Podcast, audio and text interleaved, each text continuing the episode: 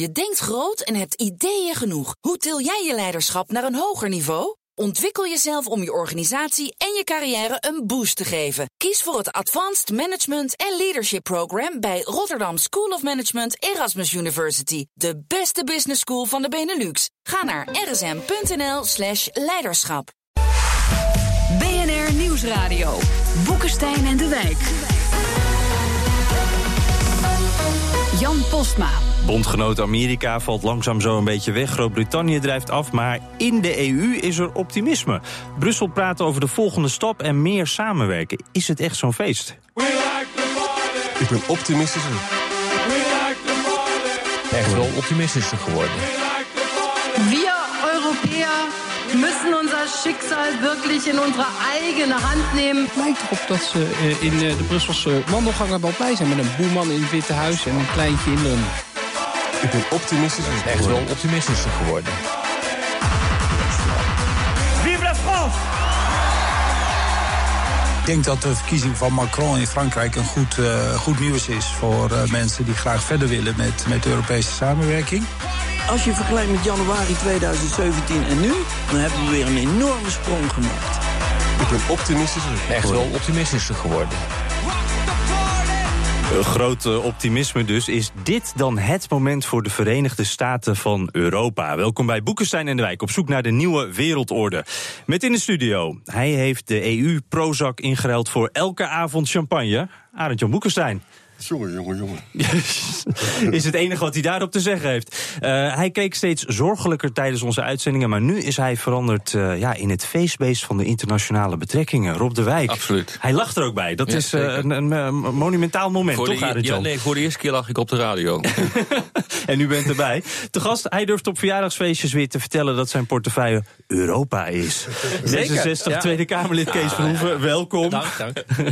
Ehm, nou, laten we eerst eens eventjes kijken naar wat dan eh, eh, een van de redenen is waarom we het over optimisme in Europa hebben. Rob, onderzoeksbureau Pew, eh, Amerikaans onderzoeksbureau, onderzocht deze week het Europa-sentiment. En wat blijkt nou, sinds de Brexit denken de burgers eigenlijk positiever over de EU. Ja, gek genoeg begon het zelfs al voor de brexit. Als je trouwens naar de cijfers in die tijd keek... eh, van eh, toen die brexit eh, eh, werd afgedwongen... eh, toen was al een meerderheid van de Britten voor de Europese Unie. En dat gek genoeg is dat alleen maar gestegen. Als je dus nu kijkt eh, naar de cijfers... dan moet je constateren dat 18% in Europa, binnen de Europese Unie... die willen gewoon uit. En de rest is eigenlijk wel een voorstander. En 64% is gewoon een harde voorstander van eh, de Europese Unie. Eh, ook interessant is eh, om te constateren dat dat verschilt per de generatie. De ouderen die zijn wat minder positief. En de jongeren zijn positiever, want die willen voor driekwart gewoon binnen de Europese Unie blijven. En vinden dat hartstikke goed. Nou, die hebben ook nooit iets anders meegedaan. En een punt van kritiek op de Europese Unie blijft hoe de, eh, de migratiecrisis wordt aangepakt. Dat is op zich opmerkelijk, want er komt bijna geen immigrant meer, in ieder geval naar het noorden. En als je dan kijkt naar de cijfers, dan wordt het pas echt leuk. Eh, dan moet je constateren dat de Grieken vinden eh, dat eh, de Europese Unie er een zootje van maakt. Volgens mij is maar 23% voor het beleid wat de Europese Unie heeft. En de Polen zijn verschrikkelijk voor. Die zijn heel erg tegen. Dus naarmate, die zijn heel erg voor dat beleid. En die vinden dat de Europese Unie dat prima doet. Driekwart is, vindt dat fantastisch. Dus naarmate je minder met die eh, vluchtelingen worden geconfronteerd en met die migranten, vind je dat de Europese Unie het beter doet. Dat slaat natuurlijk eigenlijk nergens op. Het is gewoon allemaal perceptie. Want dit komt natuurlijk gewoon door het feit dat die landen niks naar binnen laten. En dat is nou precies ook de controversie die er is tussen Brussel en die landen. Ja, ja, ja. Dus Maar die eh, cijfers die zullen nog heel wat negatiever worden als mensen gaan beseffen in het noorden dat de burgers in het noorden gaan meebetalen aan de staatsschuld van de zuidelijke lidstaten en aan de gebrekkige bankleningen van de banken in het zuiden. 75% van de rotte leningen zitten daar. Zo. Goedemorgen. Ik weet niet wat dit ermee te maken heeft, Arend Jan. Want eh, dit blijkt namelijk, eh, dat is gewoon een opinie die je hebt, die gewoon absoluut niet uit, deze, uit dit onderzoek blijkt. Nee, maar luister, jij hebt nog positieve cijfers te Burg. Dat gaat dus veranderen als we die volgende stap gaan maken. de- Oké, de maar, maar de- over die volgende laten we daar eh, la- later ook even wat meer over, over hebben. Wat ik me nog wel even afvraag, ik zag ook in die cijfers staan... de meeste ondervraagden, dit gaat dan over heel Europa... willen wel een referendum over de optie om uit de EU te stappen. Daar zit toch een beetje dan achterdocht in, of, of hoe schat jij dat in, Arend Jan? Nou ja, ik denk dat mensen eh, heel positief zijn over de gemeenschappelijke markt. Maar dat heel veel mensen gewoon eh, grote angsten hebben over een, eh, een, een verstevigde eurozone. Die ertoe leidt dat het noorden dus op gaat draaien voor de schulden van het zuiden. En het zuiden als gevolg daarvan nog steeds niet hervormt. Mensen snappen dat probleem. Ja, eh, is dat eh, iets... Ja, oh, ja, nee, dat- dat... deel je niet, dat gevoel zie ik. Nou, ja, ik denk dat mensen, als je vraagt, wil je een referendum over iets... dan zullen de meeste mensen altijd zeggen, ja, dat wil ik wel. Ja, zeker als je D66er bent, die houden daarvan. Eh, Zeker, maar ook heel veel andere mensen hebben zoiets van... als je het aan mij vraagt, dat vind ik altijd goed. Dus ja, een referendum ben ik voor. En vervolgens is dan de vraag, wat zou ik dan zelf willen binnen dat referendum? Dat je voor een referendum over in Europa of eruit gaat... eh, wil niet zeggen dat je dan ook voor eruit gaan bent. Dus mensen vinden het gewoon fijn om zelf ergens invloed op te hebben. Dus vraag ze of je een referendum over een ziekenhuis wil. En zeg ja, dat willen we. Wil je een referendum ja. over Europa? Ja, dat willen we. Wil je Maar, maar je zou kunnen zeggen, Ja, dat willen we. we, we hebben nu een situatie eh, voor deze landen die zitten in Europa. Waarom zou je dan een referendum willen als je er toch gewoon in wil blijven? Nou, dat is, dus, dat is dus de denkstap die mensen blijkbaar gewoon leuk vinden om te maken. Van nou, ik vind het leuk om een referendum te hebben, zodat ik kan laten zien dat ik ervoor ben. Eh, en ik zie de, de, de problematiek zoals de beide heren, de kibbelende heren zou ik bijna willen zeggen. eh, over migratie en over financiën. Dat zijn natuurlijk wel twee hele grote dossiers in Europa waar mensen natuurlijk absoluut bezorgd over zijn. En ook wat mogen verwachten van Europa. Ja, nog een opvallend dingetje, eh, eh, Rob. eh, eh, PVV'ers die zijn niet allemaal anti-EU. Nee, dat viel mij ook op. 40% is gewoon voor de Europese Unie. Ik dacht dat dat getal veel lager zou zitten. Als je mij had gevraagd van wat denk je? Nou, dan had ik gedacht 10, 20%. Maar dat is dus helemaal niet zo. Eh, maar ik denk dat bij de PVV is echt de, eh, eh, de boosheid is een belangrijke. het exact. alternatief voor de gevestigde orde is een belangrijke drijfveer. En dat, is, dat kan ook een nationaal eh, alternatief zijn. Dus dat je gewoon pro-U bent, maar tegen de regeringspartijen. En natuurlijk de islam. Dat zijn de twee belangrijkste drijfveren. En het Europa-standpunt van de PVV is bij heel veel kiezers helemaal niet zo'n belangrijke reden. Nee, dat klopt. Nee, het gaat veel meer over immigratie. Ja, precies. Ja. Ja, dus als, als we, we hoeven dan ook wat minder met eh, die PVV-stemmers rekening te houden... als we het hebben over de toekomst van Europa, Arend Jan? In een democratie is het zo dat wij met alle meningen rekening Dat houden. snap Jan ik, dat snap ik. Maar je hebt dus een, een laag eh, in Nederland die niet positief over Europa is. Die, die het liefste daarvan af wil. Maar er is op dit moment een meerderheid die wel positief is. Ik denk dan dat dat sluimerende, ontevreden gevoel, dat blijft dan toch? Wat, wat moet je daar dan mee? Nou, kijk, het is heel simpel. Van in een democratie is het zo dat je naar oplossingen zoekt die zo breed mogelijk worden gedragen en die ook werken. En er zijn nu plannen van de Europese Commissie van die eurozone, waarbij je kan voorspellen dat daar echt heel veel glazen over gaat komen. Als mensen gaan begrijpen wat dat allemaal is, hè, dat dus het noorden, het zuiden permanent gaat alimenteren, nou, dan, eh, dan, is de, dan gaat de PVV nog heel groot worden. Het kan is duidelijk waarmee eh, eh, jij wakker bent geworden, Arend-Jan ja. Boekenstein vanochtend. Eh, Kees Verhoeven, wa- wa- wa- wat is uw standpunt daarop? Hoe moeten we daar met, met die, eh, wat is het ook weer, 1,8 miljoen stemmers geloof Nee, ik? Van maar moet je absoluut rekening Kijk, in, in, alle, in alle Europese landen zie je dat er een partij is die eh, heel kritisch is over eh, de gevestigde macht. Die probeert de ontevreden eh, burger die het gevoel heeft: waarom gaat het, de economische groei aan mij voorbij? Waarom profiteer ik nog niet van het feit dat ik elke dag maar lees dat het allemaal zo goed gaat? Die boze groep mensen, daar moet absoluut heel goed naar geluisterd worden. Ook eh, in de Europese politiek. Eh, Europa kan heel veel mooie resultaten boeken. Maar als je blijft klooien met het vergaderen in Straatsburg. Als je allemaal instituties hebt van niemand begrijpt dat ze er zijn. Als je al die rare eh, regelingen hebt eh, met betrekking tot de salarissen en de, en de onkostenvergoedingen. Als je al dat soort het dingen over een maar in stand specifieke houdt. collega nu? Of, eh? Nee, gewoon meer in het algemeen. Dat mensen gewoon niet begrijpen dat op die manier ja, ja. een organisatie. eh, Maar de vraag is langzamerhand, en dat meen ik echt hoor.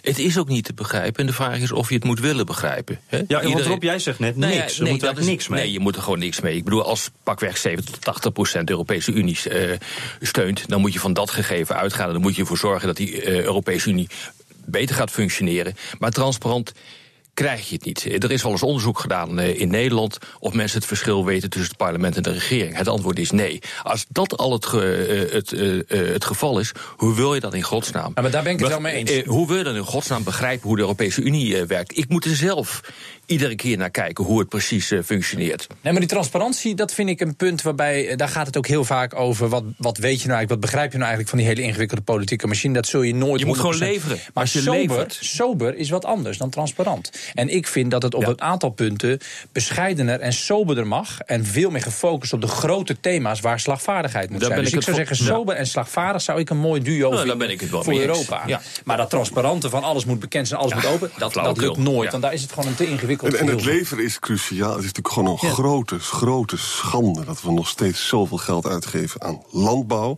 Wat uh, is wel heel weinig enorm meerwaarde verminderd, heeft. de afgelopen Jawel, jaren. maar het is nog steeds een groot percentage. een, een 30 à 40 procent van de totale Ja, begroting. maar het was 70. Ja, en stel je nou toch eens voor dat je, dus, dat je echt die, die, die dienstensector ook erbij zou kunnen betrekken. Wat zou dat ontzettend veel groei kunnen opleveren? En het digitaal Europa. En we praten er al jaren over en er gebeurt niks. Ja, digitale, die digitale markt, dat is inderdaad echt een gemiste kans. Ja. Alle grote eh, Amerikaanse bedrijven lachen om het feit dat wij zo'n versnipte markt hebben... waar geen start-up een kans krijgt om te groeien... omdat je alleen maar 28 landjes aan het bedienen bent... in plaats van één grote markt van 500 miljoen mensen. zo Echt een gemiste kans. En we, we zitten dus nu op een moment waarop je zou kunnen zeggen... er is momentum voor Europa. Een half jaar geleden stonden we er heel anders bij.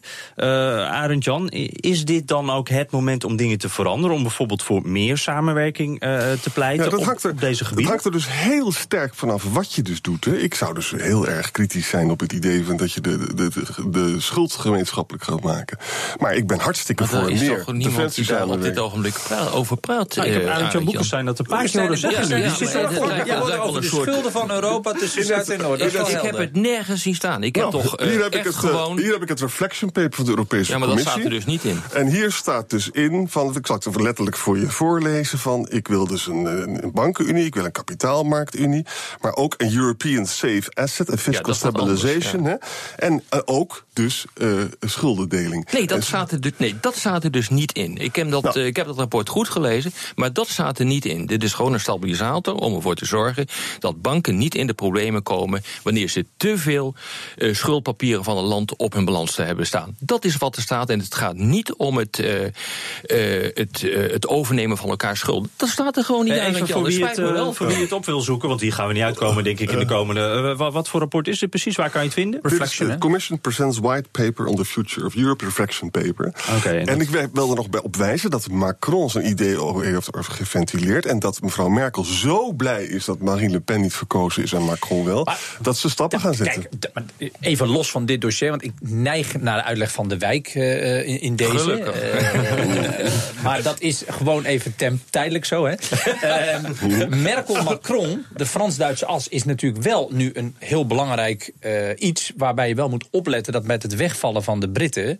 je niet een soort spel krijgt dat de Duitsland en Frankrijk elkaar Precies. dingen gaan gunnen. Precies. Samen een lijn gaan trekken als twee machtige landen. Mhm. Waardoor Nederland ook te maken krijgt met de nadelen van een eventuele deal tussen de Fransen en de Duitsers. Exact. Dat is een belangrijk gevaar En op dit hoe- moment voor de Nederlandse Ja, positie in hoe Europa. ga- hoe gaan we daarop Door het anticiperen? wegvallen van de Britten. Hoe kunnen we daarop en dat anticiperen? kan op dit onderwerp ook een rol spelen. Ja, precies. Maar, maar hoe gaan we dat dan doen? Wat, wat gaan we daar dan... Nou ja, je ziet nu dat Rutte druk bezig is met het zoeken van eh, nieuwe, nieuwe eh, eh, wat meer nuchtere partners. eh, die proberen ervoor te. Denemarken, Finland, dat soort landen. De Scandinavische landen, misschien zelfs een aantal van de Visegrad-landen. Om ervoor te zorgen dat er voldoende tegenwicht komt op die Frans-Duitse as. Die zit via niet in de uitbreiding- euro. De nee, dat Visegrad-landen ook niet. Nee, dat klopt. Dat is dus ook Dus we zitten met een groot We zitten met een beperkt probleem. aantal potentiële bondgenoten. Ja. om tegenwicht te geven aan die Frans-Duitse as. Dat, dat is, dat Dat, is moet je denk ik de doen. ja. analyse. Ja, je moet je gaan samenwerken met een aantal landen die, eh, die dat ook vinden. Maar Want we moeten niet in zuidelijke politiek gezogen worden... doordat Merkel Macron allerlei dingen gunt. Omdat Macron zegt, ik ga hervormen... ook andere dingen gaan gebeuren waar de Britten nooit voor zouden zijn geweest... en Nederland dus eigenlijk Maar dan moeten we het ook minder ideologisch maken. Ik denk dat dat cruciaal is. Eigenlijk wat we net, het debatje tussen Arend Jan en ik... dat was ook een debatje over ideologie. Er wordt gedacht dat. Ja. En dat, is, eh, dat, dat kan heel gevaarlijk zijn. Eh, dat heeft ook te maken met het hele idee over een superstaat. Dat staat ook nergens op papier dat die er gaat komen. Gaan we zo verder over debatteren. En ook straks, de aanval is de beste verdediging. Is dat een uitspraak van A. Johan Cruijff, B. Mao Zedong, C. Kees Vroeven? Het antwoord zo en dan hoor je ook samenwerken. Is dat de beste verdediging voor Europa? BNR Nieuwsradio. Boekenstein en de Wijk. Ja, hij mist net het leukste stukje. Er is hier enige discussie over het rapport wat Arend-Jan... eh, Deze heren, de heren Boeksteden zien elkaar bijna in de haren. Over het rapport wat Arend-Jan voor het slapen gaan nog even gelezen heeft, onder zijn kussen heeft gelegd. Zoals, eh, Rob is gewoon naïef, die denkt dat het allemaal goed komt. Dus gewoon, is dat- die kust Brussel altijd. Er is tijd in het programma voor opstand.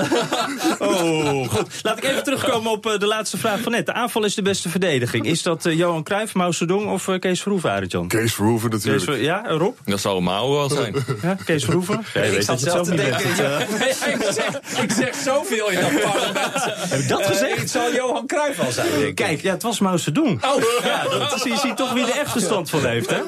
Ja, het is een echte Dus Cruijffiaanse... ik bedoel, er hoeft nu ook niet meer getwijfeld te worden aan mijn interpretatie van de ingewikkelde Nee, rapporten dit- van de dus- Europese Unie. God, er blijkt één Arend Jan die eh, stapt nu weer weg. Of, of die gaat wat water over eh Rob heen gooien. Die man moet spraakwater hebben. Ja, zeker. Nou, eh, u had het al begrepen. Naar Boekenstein in de Wijk. Eh, we hebben het over de manieren waarop eh, Europa moet samenwerken in de toekomst. Als er dan een soort van momentum is op, dat op dit moment, hoe moeten we dat dan gaan doen? Nou, laten we even beginnen met eh, defensie bijvoorbeeld. Want eh, in deze tijden waarin eh, eh, Trump van alles doet, eh, waarin Poetin van alles doet, ja, lijkt me dat best een belangrijk onderdeel. Eh, ehm, het is ook vaak een voorbeeld eh, dat genoemd wordt van eh, daar kunnen we nou echt op gaan eh, samenwerken. Eh, eerst even over de redenen om dat te doen. Eh, Rob, wat is nou op dit moment de belangrijkste reden om, om op defensie te gaan samenwerken? Eh, dat heeft te maken met de efficiëntie van de defensiebestedingen. We hebben nu, wat is het, 27 verschillende krijgsmachten, legertjes. Met idem zoveel bureaucratieën, hoofdkwartieren, ondersteunende apparaten. Ja, weet je, dat is natuurlijk weggegooid geld. Dat is natuurlijk wel zeer verklaarbaar. Want het zijn ook gewoon 27 soevereine landen. Dus we moeten nu net niet, doen, niet gaan doen alsof eh, dat raar is en dat dat verwerpelijk is. Nee, het is een feit. Maar wil je dus met hetzelfde geld veel meer kunnen doen, dan is het wel verstandig om op een aantal punten nog meer samen te gaan werken. Zo zou het ook andersom kunnen zijn dat je zegt van we gaan samenwerken en dan hoeven we allemaal wat minder te betalen. Misschien wel minder dan dat 2% eh, van Jan, BNP. dat is nou weer zo'n Nederlandse opmerking. Ik zou toch- Dan krijgen mensen er wel achter, denk ik. Toch? I- Ja, maar dat is natuurlijk niet de bedoeling. We geven Eh, al niks lopen- uit. We geven lopen- al niks uit. Ja, inderdaad. Daar- eindelijk ben ik het met Arend Jan eens. dat, is een, eh, dat is een punt. Ja. Eh, eh, maar het punt is natuurlijk ook dat er zoveel, eh, zo'n slag moet worden gemaakt bij Defensie. Eh, dat er echt veel meer bij moet. En als je dat kan beperken door meer internationale samenwerking, dan zeg ik, nou ja, dan moet je dat vooral maar doen. Mhm. Kees Verhoeven, op, op wat voor manier moeten we dat dan gaan doen? Nou ja, ik denk dat de, de, de specialisatiemogelijkheden gewoon heel groot zijn. Nu, nu heeft elk land eh, alle divisies, alle onderdelen eh, kopen ze allemaal zelf in. Nou, dan heeft de een een paar tanks, de ander heeft een paar tanks, de een een paar duikboten, de ander een paar duikboten. Ik zou zeggen, probeer verbonden te sluiten waarbij elk land een bijdrage laat leveren aan een groter geheel waar ze heel goed in zijn. He- Hebben we dan ook bijvoorbeeld een Europese minister of, of een Europese... Ja, hoe dat vind ik het jammer van de discussie over Europese defensiesamenwerking. Is dat het altijd direct wordt getrokken naar Europees leger en een Europese minister voor Defensie. En wij gaan zelf over het uitzenden van onze troepen. Dat is dan Mhm. ook altijd. Maar dat betekent door, die, door dat uiteindelijke eh, scenario steeds maar te schetsen, zet je in de tussentijd geen stap verder. En dat vind ik echt een gemiste Nee, maar kans. je kunt bijvoorbeeld gezamenlijk ontwikkelen. Ja. Wapensystemen. Je kunt gezamenlijk wapens aanschaffen. Nee, maar weet je wat, Eh, of het met nou- of- meerdere landen een Maar, maar iemand moet dat coördineren, maar weet je wat het is? Als, het- Nou, als je het over, je als je het over onderling doen, samenwerking in Europa hebt, gebeurt altijd het volgende. Iedereen zegt altijd, ja, we willen allemaal samenwerken. De PVV wil samenwerken, SP wil samenwerken, iedereen wil samenwerken. En dan zeg je, ja, maar zullen we dan ook bepaalde verantwoordelijkheden eens op het Europese niveau neerleggen? Zullen we dat nou eens doen? Bijvoorbeeld het uitwisselen van eh, informatie tussen inlichtingdiensten. Bijvoorbeeld het eh, gezamenlijk bewaken van de buitengrenzen. Bijvoorbeeld het gezamenlijk inkopen van legeringen. En dan begint iedereen altijd een beetje bevreesd te worden. En dan denk ik altijd, als nou voor een aantal grote onderwerpen beslissen dat we het wel op Europees niveau doen, maar voor een aantal andere onderwerpen ook echt duidelijk niet, dan kun je stappen zetten. En ik vind dat op het eh, defensie, migratie, terrorisme aanpak, klimaat, in, eh, energieinkoop, daar zou de verantwoordelijkheid, wat D66 betreft, naar een Europees niveau mogen. En daar zijn we ook niet bang voor om dat te zeggen. Maar dan niet op alle onderwerpen, zoals soms de neiging is in de Europese Maar de Unie. beslissing, de beslissing om oorlog te gaan voeren lijkt me toch echt dat je dat op nationaal niveau moet houden. Stel je voor dat je gedwongen wordt door Brussel om eh, jongens te leveren en eh, het parlement er heeft ook er niet niemand, nie- niemand zegt dat dat moet. Ook in al die papers die nu door de Europese Unie wordt afgescheiden. Daar staat die hele optie helemaal niet in. Ja, maar doordat hij steeds genoemd wordt, vinden heel veel Ja. mensen het heel eng om een, om een stap te zetten die heel logisch is. Omdat het een stap zou zijn naar een Europees leger. En dat we niet meer zelf gaan over het Ja. uitzonden van onze jongens. En dat vind ik jammer, want zo vertroebel je elke Ja, discussie. absoluut. Ja, dat vind is, ik ook. Dat is echt doodzonde. Maar het probleem- Dus ook, ook, ook gij, Arend Jan, zou het in, in dit opzicht iets minder kunnen doen... door steeds maar dat eindpunt te schetsen... maar waardoor er geen stap vooruit komt. Maar luister eens, Kees. Ik vind het heel, heel simpel. Het feit dat eh, Amerika zo inconsistent nu is... en dat we daar ook niet zomaar van af zijn... betekent dat je in Europa meer samen zal moeten doen. Probleem is wel dat er al heel veel wordt samengewerkt. En Nederland doet het met Duitsland, Noorwegen en België. En ik vergeet, ik vergeet er vast nog één. Dat is al heel veel. Dus heel gauw kom je dus bij dat akelige, gevaarlijke woord van taakspecialisatie. Nou, daar zal je nog heel wat nationale weerstand gaan vinden. Maar Jan, dat doen we al lang. Kijk wat Nederland eh, doet eh, op landmachtgebied. Wij hebben geen tanks meer. Die worden nu door de Duitsers eh, overgenomen. En Nederland traint zijn mensen om op Duitse tanks te, kunnen, te, te, te kunnen vechten. Dus ik bedoel, dat, dat gebeurt al lang. Wij hebben al lang niet meer alle middelen in, in huis. Nee, waar het, waar het echt op zit, is hoe kun je gezamenlijk ontwikkelen? Je research and development. Hoe kun je gezamenlijk systemen eh, kopen? Hoe kun je die gezamenlijk onderhouden? Dat zijn de grote dingen die nu mogelijk zijn. En daarvoor ziet ook het verdrag in. Eh, dat heet PESCO. Dat is permanent gestructureerde samenwerking tussen de Europese lidstaten. Waarbij niet alle landen dit hoeven te doen.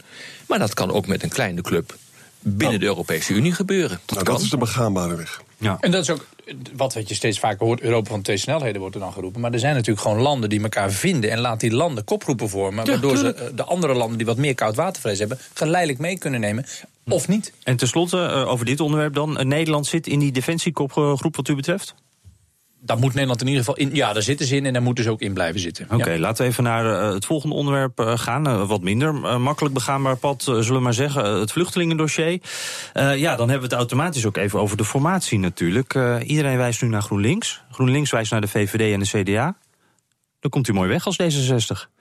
Nou, het is zo, wij vinden het als D66 heel jammer dat deze combinatie van vier partijen niet eh, gelukt is. Want wat ons betreft was dit de beste manier eh, om recht te doen aan de verkiezingsuitslag. En om een eh, kabinet te maken met voldoende steun in beide kamers. En wat ook nog eens progressief en conservatief verbindt. Dus ik vind echt dood en doodzonde dat het niet gelukt is. En waar staat D66 op dit moment dan in, in dat vluchtelingendebat? Want we hebben GroenLinks met name heel veel gehoord, het standpunt VVD ook. Ik, D66 bleef er een beetje zo tussendoor. Ja, maar weet je, de- D66 helemaal niet overal tussendoor. Eh, eh, waar het op stuk gelopen is, is op de verwachting of je in de toekomst voldoende eh, zekerheden kan stellen bij het, bij het maken van afspraken met andere landen.